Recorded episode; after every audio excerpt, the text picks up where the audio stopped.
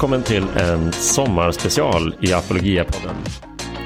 Under sommaren kommer vi att släppa material från tidigare Apologia Live-events och ifrån Apologias YouTube-kanal. Det kan vara saker som eh, flugit under radarn och som många missat eller det där som har varit riktigt bra och uppskattat av många som vi vill lyfta fram och påminna er om och tipsa er om att lyssna på en gång till.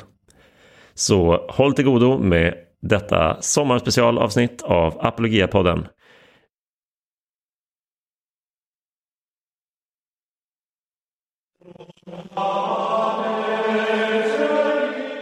Hej allihopa! Välkomna till eh, kvällens Apologia Live. Jag heter Martin Helgesson. Som ni antagligen har gissat av kvällens rubrik så kommer vårt program ikväll vara på engelska. Så jag kommer att byta språk här och nu. Ah, Apologia is a center for Christian apologetics, which means that we want to help both Christians and non Christians to see how the gospel of Jesus Christ is true, good, and beautiful. And we want to do this especially uh, in dialogue with the doubts and the criticisms that are raised against the Christian faith in our contemporary world. Uh, however, today, tonight, our topic is more of an in house question or in house debate, uh, which uh, concerns the area of Protestants and Roman Catholics and, uh, and the Orthodox Church.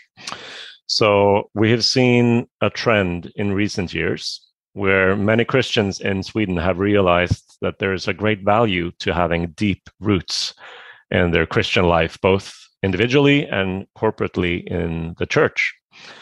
And for some people, realizing the, the value of deep roots and, uh, and historical connections, this has meant a move towards the Roman Catholic Church or towards Eastern Orthodoxy. Tonight, we want to explore the question whether you have to cease to be a Protestant if you want to be deeply rooted in history, or whether Protestants can somehow claim their part in the church's history and the church's story as well. And how and why would they do that? And uh, we are honored to have as our speaker tonight Dr. Gavin Ortlund. Uh, Gavin Ortlund is a theologian and pastor in OJ. Am I saying that right? Uh, almost. It's uh, pronounced Ojai. Ojai, of course. Thank you. Ojai is almost just too kind there. Uh, I was not even close. Uh, it's in Southern California, though. I know that. Uh, northwest of Los Angeles. That's right. That's right. And uh, Gavin has an MDiv degree from from the excellent and wonderful seminary known as Covenant Theological Seminary in St. Louis, and also a PhD from Fuller Seminary in historical theology. So clearly, uh, Gavin, you are someone who's interested in in history and church history. So uh, before you start with your with your presentation, I wanted to um, ask if you would first share something of uh, your background, maybe how uh, Jesus found you, and uh, something of your work in Ojai and your family, uh, but then also something about how you became interested in church history. Sure. Yeah. Thank you so much for having me, Martin, and for everybody on the, the Zoom call here. Um, I pray that the Lord blesses you through these uh, moments that we have together. I feel really honored to be able to talk with you all. Okay. I think we're ready. Uh, Gavin, please talk to us about reclaiming our roots. Wonderful. Okay. Well, let me uh, share a few introductory comments about how I became interested in questions of the relationship between Protestant, Catholic, Orthodox, and the other traditions. There's other traditions, of course, outside of those three. Let's see, it's April of 2022 as of this moment. I started a YouTube channel in August of 2020, coming up in a few months on two years. Uh, I, I mainly was doing that for an interest in apologetics. I thought there are so many young men. I was writing a book on apologetics on the existence of God. I thought there's so many young men who are interested in philosophical and religious questions about God, about faith, but they will never come to my church. They'll never read a, a different, they'll never read my book even, but they'll watch YouTube videos. And I know that because they are. YouTube is a space where things are happening for better or for worse. Even philosophical conversations are happening on YouTube. And so my main focus was on apologetics. And then I thought, well, I'll also do theology. Well, as I got into things, I began to notice four things. Number one, there's an, an enormous amount of energy and commitment and work being put into uh, Catholic and Orthodox apologetics and just Catholic and Orthodox theology more generally on YouTube. Uh, and that was interesting to me because I had never really made those conversations my personal focus. Uh, I've always been interested. I maybe did one or two little studies, little forays into that in the context of my PhD. At one point, I was looking into justification and the 1999 Joint Declaration, and I was interested in that. And I was reading the Mark Noll, Carol Nystrom book, "Is the Reformation Over?" So I remember that. That was a you know one summer I was thinking about that, and then of course I thought about it more from the angle of a Protestant outlook, and this led to my book, Theological Retrieval for Evangelicals, a Protestant outlook of how do we relate to the church. But that was not so much defending Protestants uh, from other charges as much as calling Protestants to be historically rooted. So I was not previously deep in these particular conversations, but I began to notice number one, there are so much, there's so much right now, so much interest in Catholicism and Orthodoxy and the other ancient traditions. The second thing I noticed is there's not too many Protestants engaging these conversations at a high level. There are some, but I would say it's disproportionate relative to the size of the different traditions. And when Protestants do engage on questions like this, a lot of times they don't have um, a, a really good grounding in historical theology. Sometimes it's all based upon the Bible, and therefore there are some vulnerabilities and weak points in Protestant apologetics. And I would just say, you know, if I say anything else in our time, I would just hit this point that there is just this massive need for Protestants to engage our own Protestant history and read some of the Protestant uh, theologians of the past who spoke to these issues. And there's a massive ignorance about, uh, for many Protestants, I think there's a lot of ignorance about why we're Protestant. What are we protesting? You know, and it's just become the assumed default position for many. And a lot of people are just of the mentality of, oh, yeah, yeah, we know that Catholicism and Orthodoxy aren't right. We don't even need to make the arguments anymore.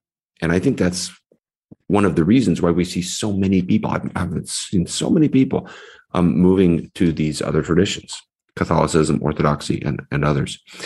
Um, so that's the second thing I noticed. The third thing I noticed is that there are a lot of caricatures of Catholicism and Orthodoxy. And so what happens is people have absorbed these caricatures for example, that uh, Roman Catholic Christians don't have a personal relationship with Christ. That, that, that, there's no sense of that personal dimension. That they don't love the Bible. That they worship Mary. Um, that there's no basis for their canon.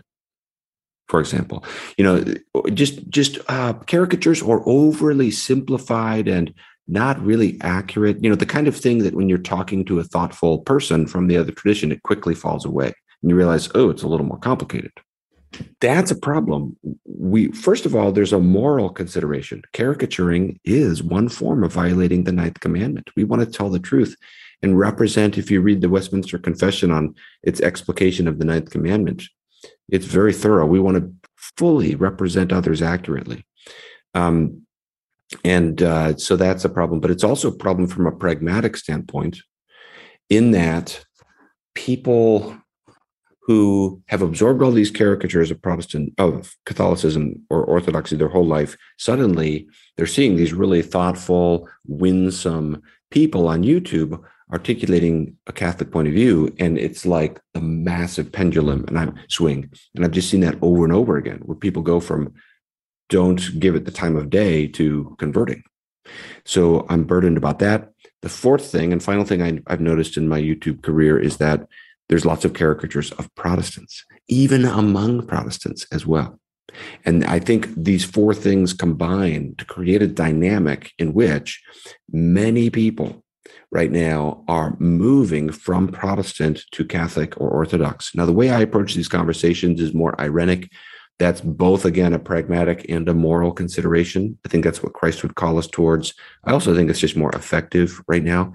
And so I don't take the approach of, you know, um, throwing down the gauntlet to attack these other traditions. I think we can learn from them. I think we have common ground with them on many points.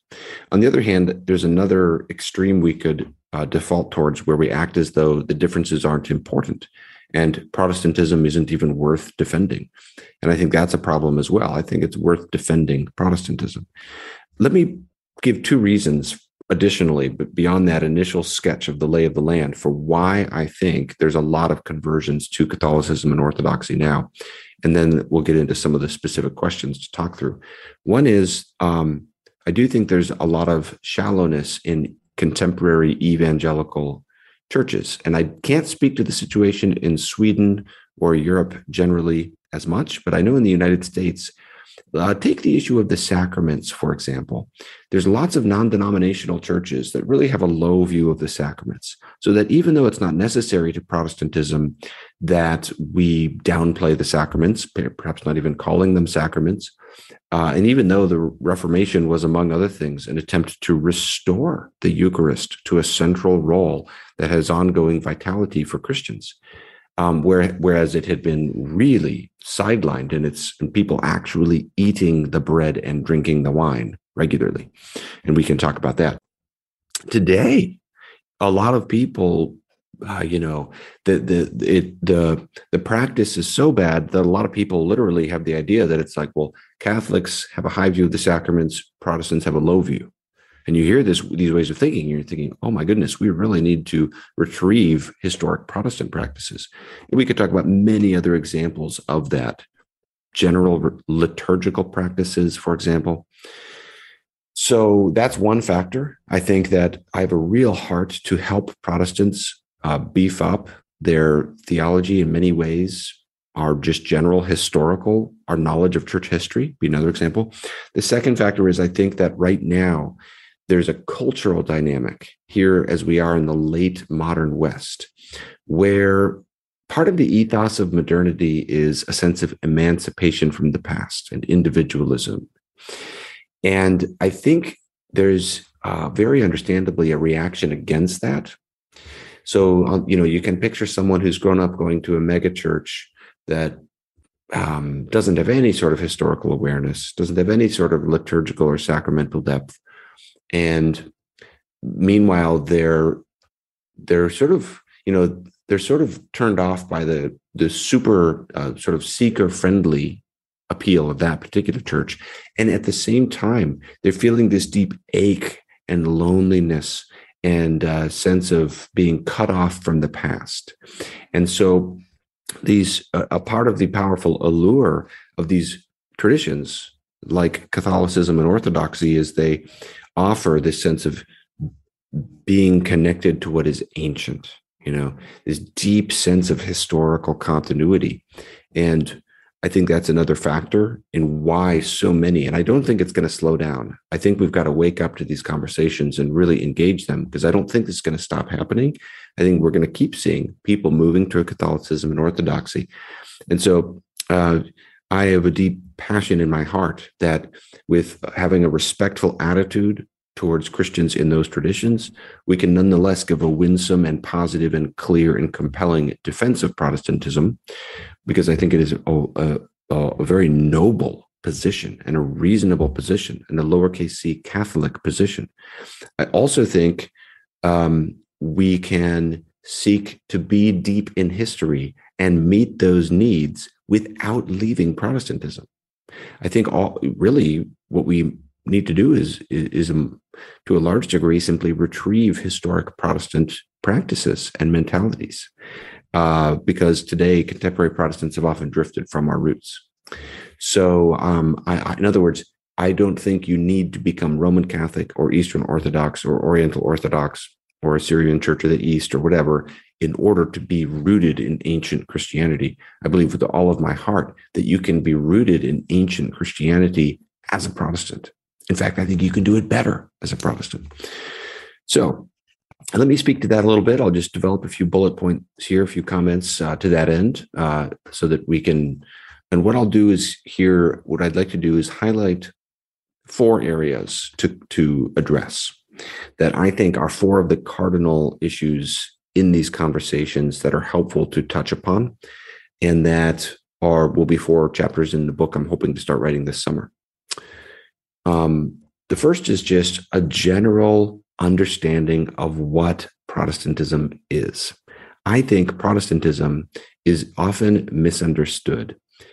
There are many ways that that happens, but the biggest one perhaps is related to uh, Newman's comment, Cardinal Newman's comment. I'm sure you've heard this that to be deep in history is to cease to be a Protestant.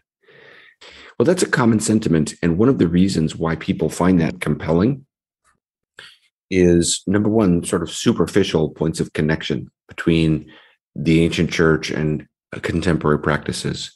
But more deeply, I think people have a caricature of Protestantism as though it were starting a new church. I hear language like this all the time. My church was founded by Jesus Christ. Your church was founded by Martin Luther or whoever it may be. Um, I'm part of the Catholic Church. You're part of the Lutheran Church, for example, language like this.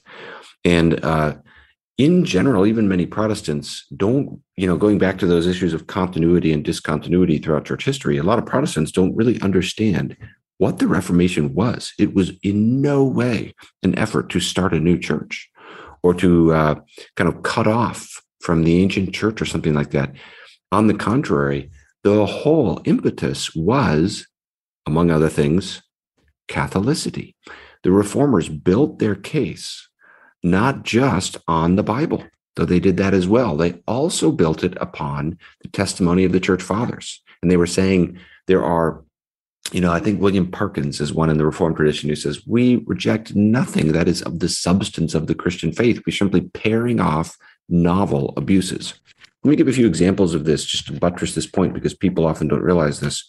Here's how John Calvin put it in a debate in 19 or excuse me, 19, 1539 with a Roman Catholic opponent. He said, quote, our agreement with antiquity is far greater than yours. Speaking to his Catholic opponent, all we have attempted to do is renew the ancient form of the church that existed in the age of Chrysostom and Basil among the Greeks, and Cyprian, Ambrose, and Augustine among the Latins. So you hear what he's saying there. He's saying basically, um, all we're trying to do is go back to the purity of the fourth and fifth centuries. That's around that time. Here's a statement from Martin Luther writing in the 1530s, and he's criticizing the Church of Rome. But then he says, Today we still call the Church of Rome holy, and all its sees holy. Even though they have been undermined and their ministers are ungodly, it is still the church. Although the city of Rome is worse than Sodom and Gomorrah, Nevertheless, there remains in it baptism, the sacrament, the voice and text of the gospel, the sacred scriptures, the ministries, the name of Christ, and the name of God. Therefore, the Church of Rome is holy.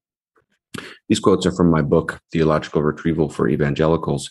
And what I do there is then I, I canvass historic Protestant ways of countering the charge of novelty. The Roman Catholic opponents were saying, You guys, we're old and you're new. And the second generation and third generation Protestants developed very sophisticated ways of responding to that that almost no Protestants talk about today. Francis Turretin, for example, was making this case of first of all, he's saying, no, we are even more ancient. And he's pointing to particular practices. He's pointing to particular separatist groups like Jan Hus, sometimes pronounced John Huss, and his followers, the Waldensians, John Wycliffe, there's actually many, many others besides those three are the best known. But also, Turretin was pointing to, he said, our church was in the papacy itself. He's appealing to this notion of a remnant. He's saying, we're not starting over. We're not starting a new church. Our, the church has always been there.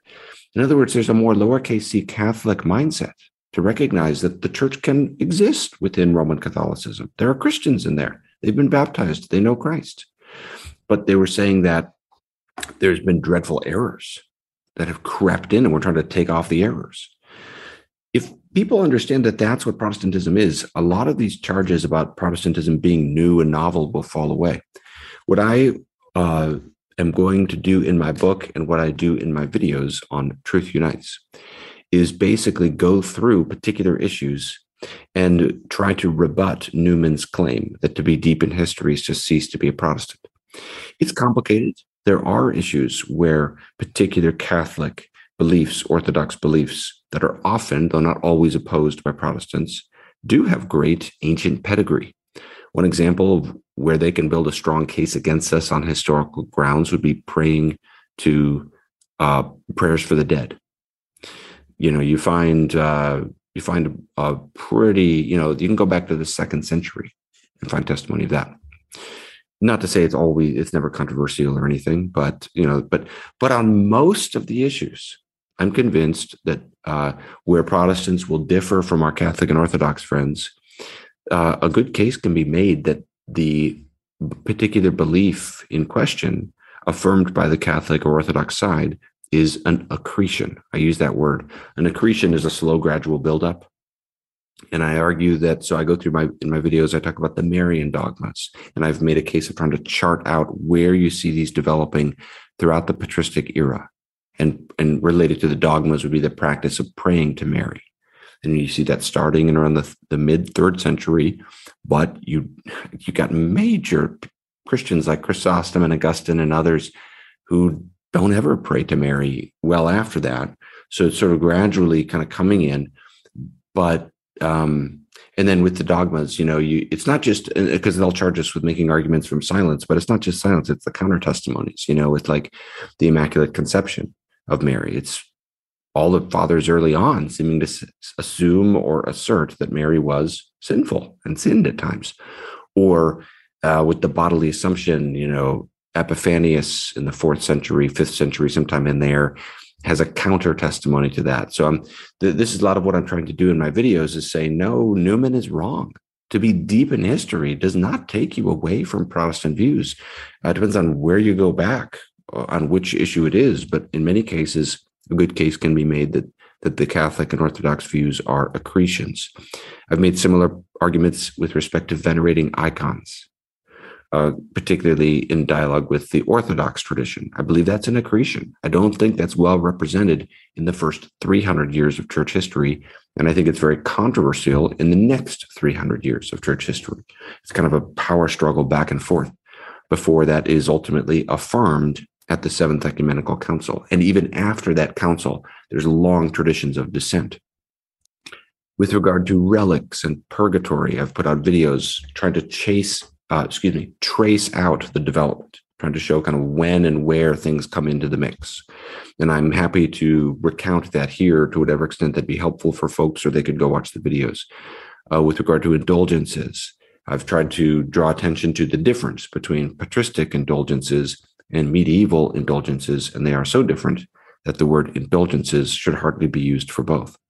With regard to praying to the saints, I've argued that you don't really see that practice well attested in the first 200 years of church history, and it's sort of gradually growing as you get there. But that the patristic practice of praying to the saints is um, very mild compared to the kind of liturgical prayers to Mary and others you're seeing circulated in the medieval era. So, all of that is to say, where the Protestant reformers were opposing certain beliefs that had come into the thought and practice and piety of the church. Uh, they argued for that, and we should argue for that as Protestants, not merely on the basis of Scripture, that we should do that as well, but also we should engage in church history. And I think a, a truly open minded, thorough engagement in church history supports these Protestant concerns. Um, there's lots else that we could say about that. Uh, you know, uh, uh, one of the things I've also found helpful in that connection is talking about the Old Testament, because sometimes our Catholic and Orthodox friends will appeal to Matthew 16, where Jesus says, I will build my church and the gates of hell will not prevail against it, seeming to derive from this verse the idea that errors can't come into the church. And I think it's helpful to just draw attention to the specific language and what Jesus actually says there, which does not imply that there will be no errors. And then pointing to the Old Testament, we can see that God makes many exalted promises to the nation of Israel, but that does not prohibit idolatry from continually creeping in throughout the, the history of the Old Testament. Um, I also think I'll say one other thing about this this first question of can Protestants be deep in history. I think a very fruitful area of research is in what is called the proto-Protestant groups. And if anyone out there would like to enter into these discussions and make a contribution, let me encourage them that this might be a really fruitful area to consider. The proto Protestant groups are groups that arise prior to the 16th century that anticipate Protestant concerns to some extent or another, in some cases, to a great extent.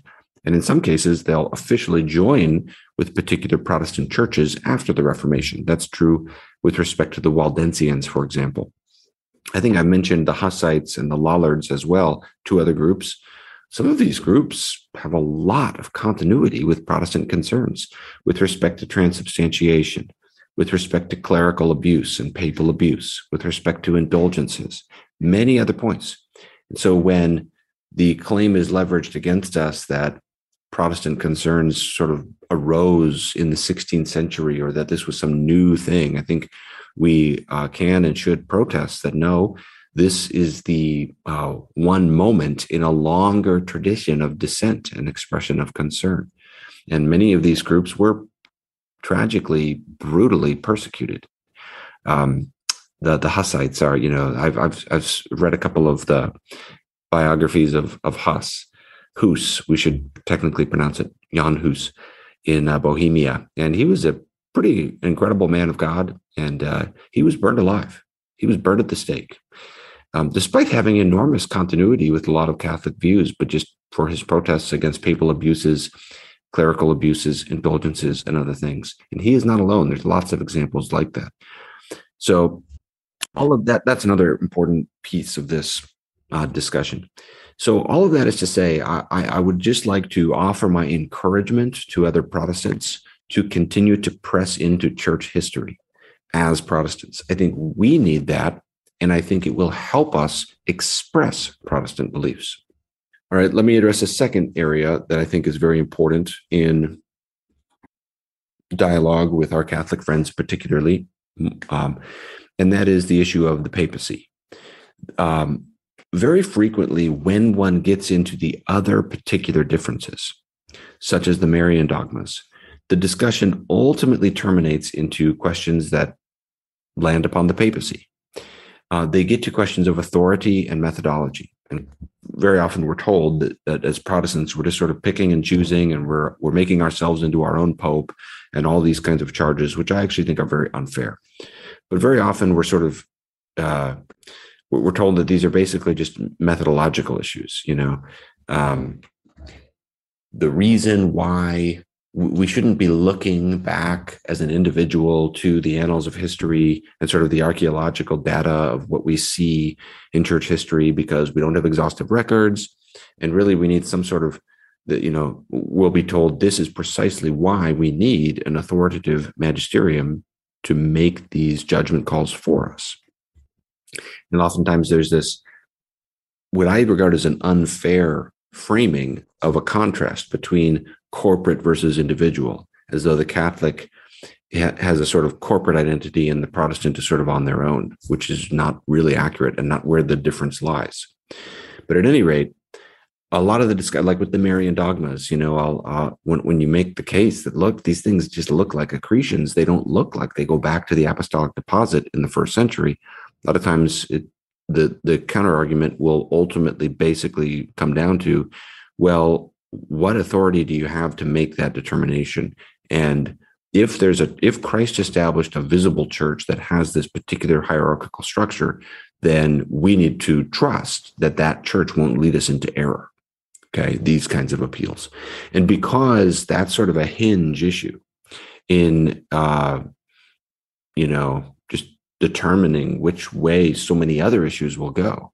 I think it's really important for Protestants who seek to be deep in history while maintaining a Protestant identity to uh, engage the issue of the papacy and make from a biblical and historical standpoint.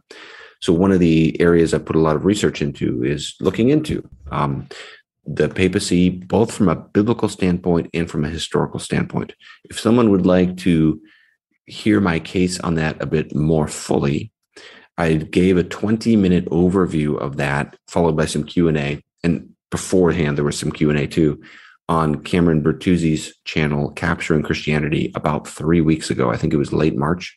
And so you could see, go and, and I think it's just called The Case Against the Papacy. And so you could search for that on YouTube on, on Capturing Christianity and uh, see my case there. And there's been maybe nine or so responses from Catholic apologists to that video. And so I've put out one follow up response video. These are very live conversations. My video just went, my response video came out like four days ago. So you can see that as the most recent video on my channel where I think that one is entitled something like My Case Against the Papacy Response to Criticism. So uh, the papacy is just a, a, cardinal issue. It's just so important. Now, one of the a few reflect a few general reflections here. One will be that I think we'll, we will be helped to listen to the criticisms of our Eastern Orthodox friends as well, because we, as well as other traditions, I, you know, we sometimes it's always narrowed down to Catholic, Protestant, Orthodox, but uh, we don't want to leave off um, the other Eastern traditions, the Coptic churches, and then also the churches that split off at Vatican One, the old Catholic Church, uh, because of Vatican One. So it's not just so. So in other words, it's helpful. Sometimes it can be this game of cat and mouse where you know people will frame things as though you're just this tiny little Protestant on your own. Who are you? And then there's this the church, you know. And I think it's helpful to recognize when Protestants are not alone in a particular criticism. And so, as we're engaging in a sort of ecumenical dialogue, we can recognize the papacy has been a sticking point pretty much all the way around. Uh, perhaps we might say the sticking point in ecumenical dialogue between the East and the West. Um, and then between various dissenting Western churches and the Roman Church. Um, so that helps to know that and to consider those criticisms. And uh, another general comment I would have on this issue is that it's very helpful as we go back throughout church history to try to make careful distinctions that accurately frame where the dif- where the real differences are. Oftentimes, it will be framed as though you know, Peter has a leadership role, therefore the papacy. Or the Church of Rome in the second century, third century, whenever, has a kind of primacy and preeminence, therefore the papacy. And people are swayed by these arguments. But this is where listening to our Eastern Orthodox friends, for example, can help us understand well, actually, that doesn't follow. The papacy is a very specific office that has been defined at Vatican I as involving uh, succession, so from Peter to Roman bishops, supremacy, and that means that Peter has greater authority. He has a sort of immediate and, and universal jurisdiction over the church. There's a very particular kind of authority. He, so that means Peter is like the top guy in a hierarchy. And infallibility. So, general stature in the Church of Rome or a general leadership ro- role for Peter in the New Testament doesn't result in that. And I think it's just helpful to try to accurately frame what where we actually disagree. Because as protestants and as these other traditions we can agree that the church of rome was a preeminent church in the early centuries of the church. And we can agree that peter was a leader among the apostles. But that doesn't really settle anything. Then you that just starts the conversation to ask what kind of leadership? What kind of preeminence? Is it vatican one is it that vision particularly? And I find that helpful and uh, to frame things like that. And then I would just say I've I've made the case and uh, worked through it at, at in pretty great detail, just working through the New Testament, working through Matthew 16, working through the other texts, and then working through the relevant evidence from early church history as well, which I think is helpful to put in combination with that uh, to protect yourself from various counter arguments that will be made. And uh, I think both biblically and historically, a very solid case can be made against the papacy. Um, it's it it really doesn't have good attestation, and so people have to stretch things to try to make it work. I think it's totally fair for us to just point that out.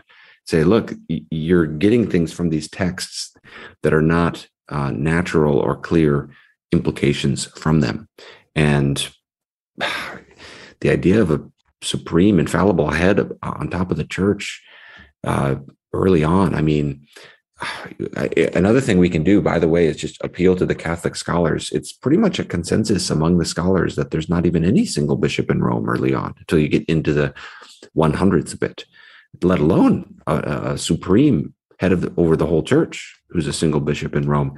So I think, um, you know, being aware that that's pretty standard even among Catholic, Roman Catholic scholars is helpful for us as we make a case like that. All right, next issue I want to touch upon, kind of just flag for attention, and then we can drill down into any of these more fully as we get into the Q and A. Is sola scriptura.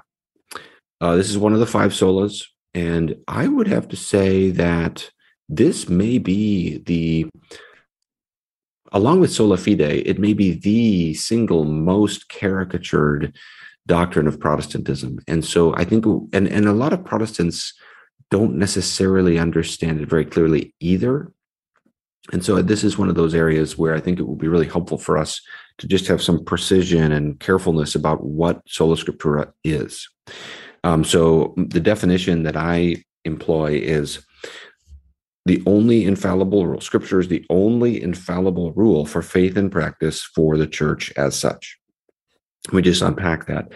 Only infallible rule those words are very important because um, we sola scriptura will often be caricatured as only rule as though we don't th- believe in like authoritative st- doctrinal standards at all and it's kind of like well we, also what we need to do is look at the protestant traditions and the doctrinal standards we have to see well we believe in those we just don't think they're infallible and yet people say that all the time also, only infallible rule is different from exclusive source.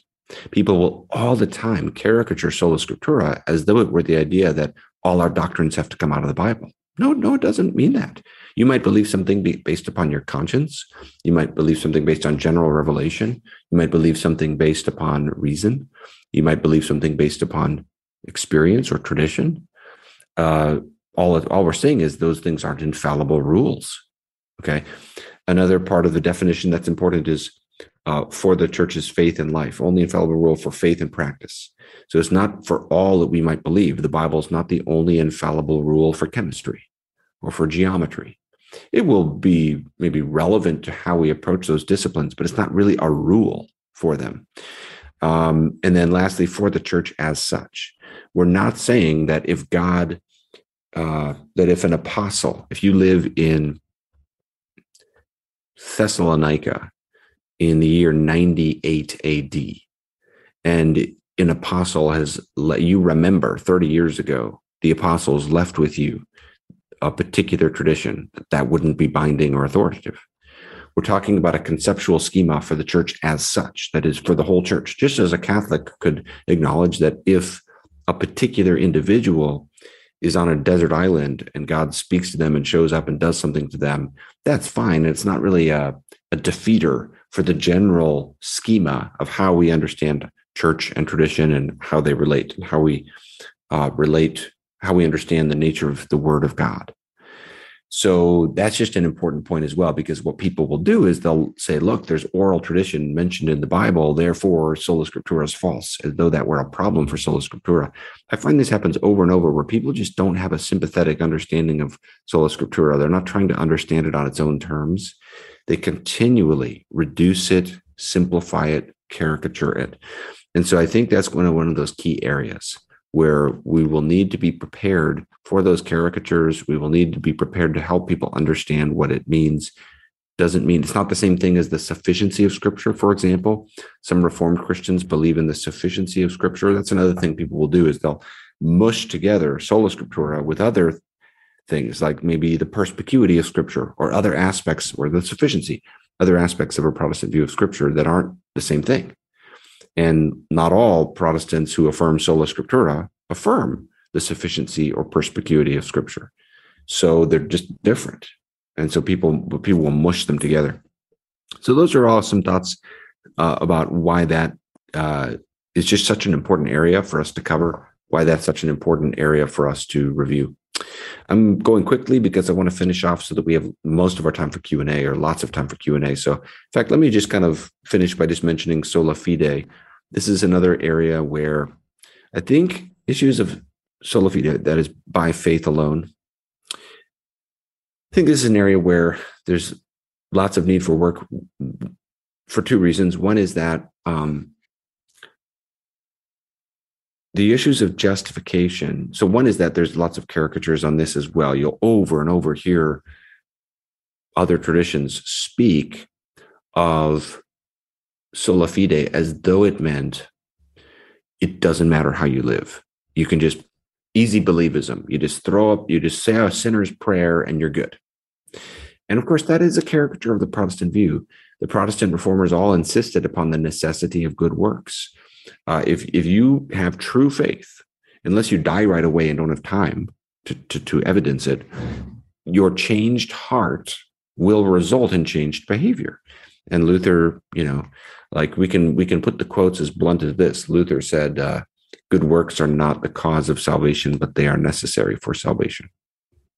That's pretty clear. Calvin, similar things. So uh, over and over, sola fide is caricatured. All, all sola fide means is that faith alone is the instrumental means by which we are actually made right in the sight of God.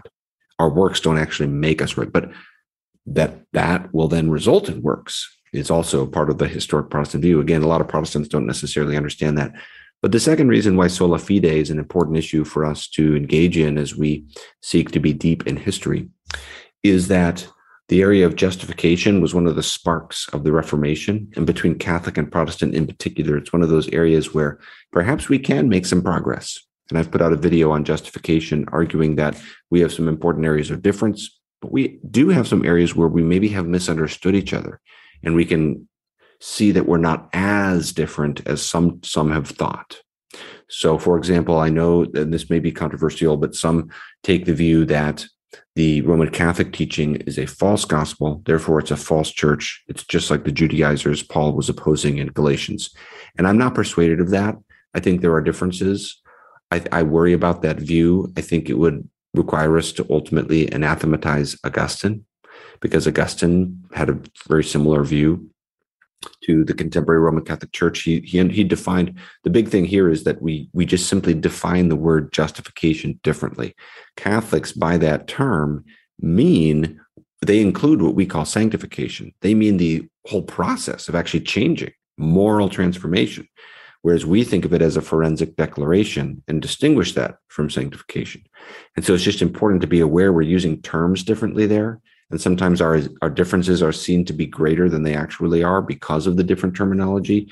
And Catholics do at their best. They do distinguish initial justification, which is by grace, from final justification. So we need to be aware of some of those nuances as we work through this. And that's not to say there's no important differences remaining, but we just want to be as accurate as we can be there.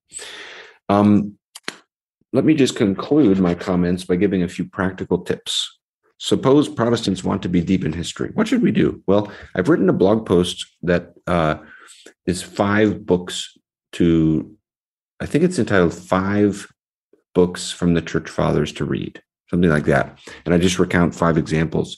Um, I, th- I think there are some, my main piece of advice is simply to dive into the historic texts. Uh, sometimes people feel intimidated by that and they want to start with the secondary literature. And I understand that, but I actually think most people won't find these church fathers as difficult to read as you'd expect. There will be there will be moments where it's kind of like, wow, they're just thinking so differently. But and and Martin, I think, is putting that uh, uh, into the chat. Yes, that's it right there. Five books to read by church fathers. Thanks, Martin, for posting that. Um, and he's also someone's also posted my YouTube channel. That's great. Thank you. Um, but uh, so that there's some starting points, and I really love to encourage people to dive in and read Irenaeus's.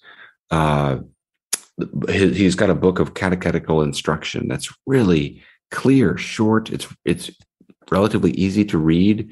Um, it gets you into the patristic mindset a bit. Um, I love to encourage Athanasius's On the Incarnation of the Word. That's a wonderful book, which is you could read it in one sitting. It's not lengthy, and it gets you into so many interesting issues of of uh, atonement theory, the nature of the incarnation, the nature of Christ, so much. It's helpful. Um, Cyril of Jerusalem's catechetical lectures.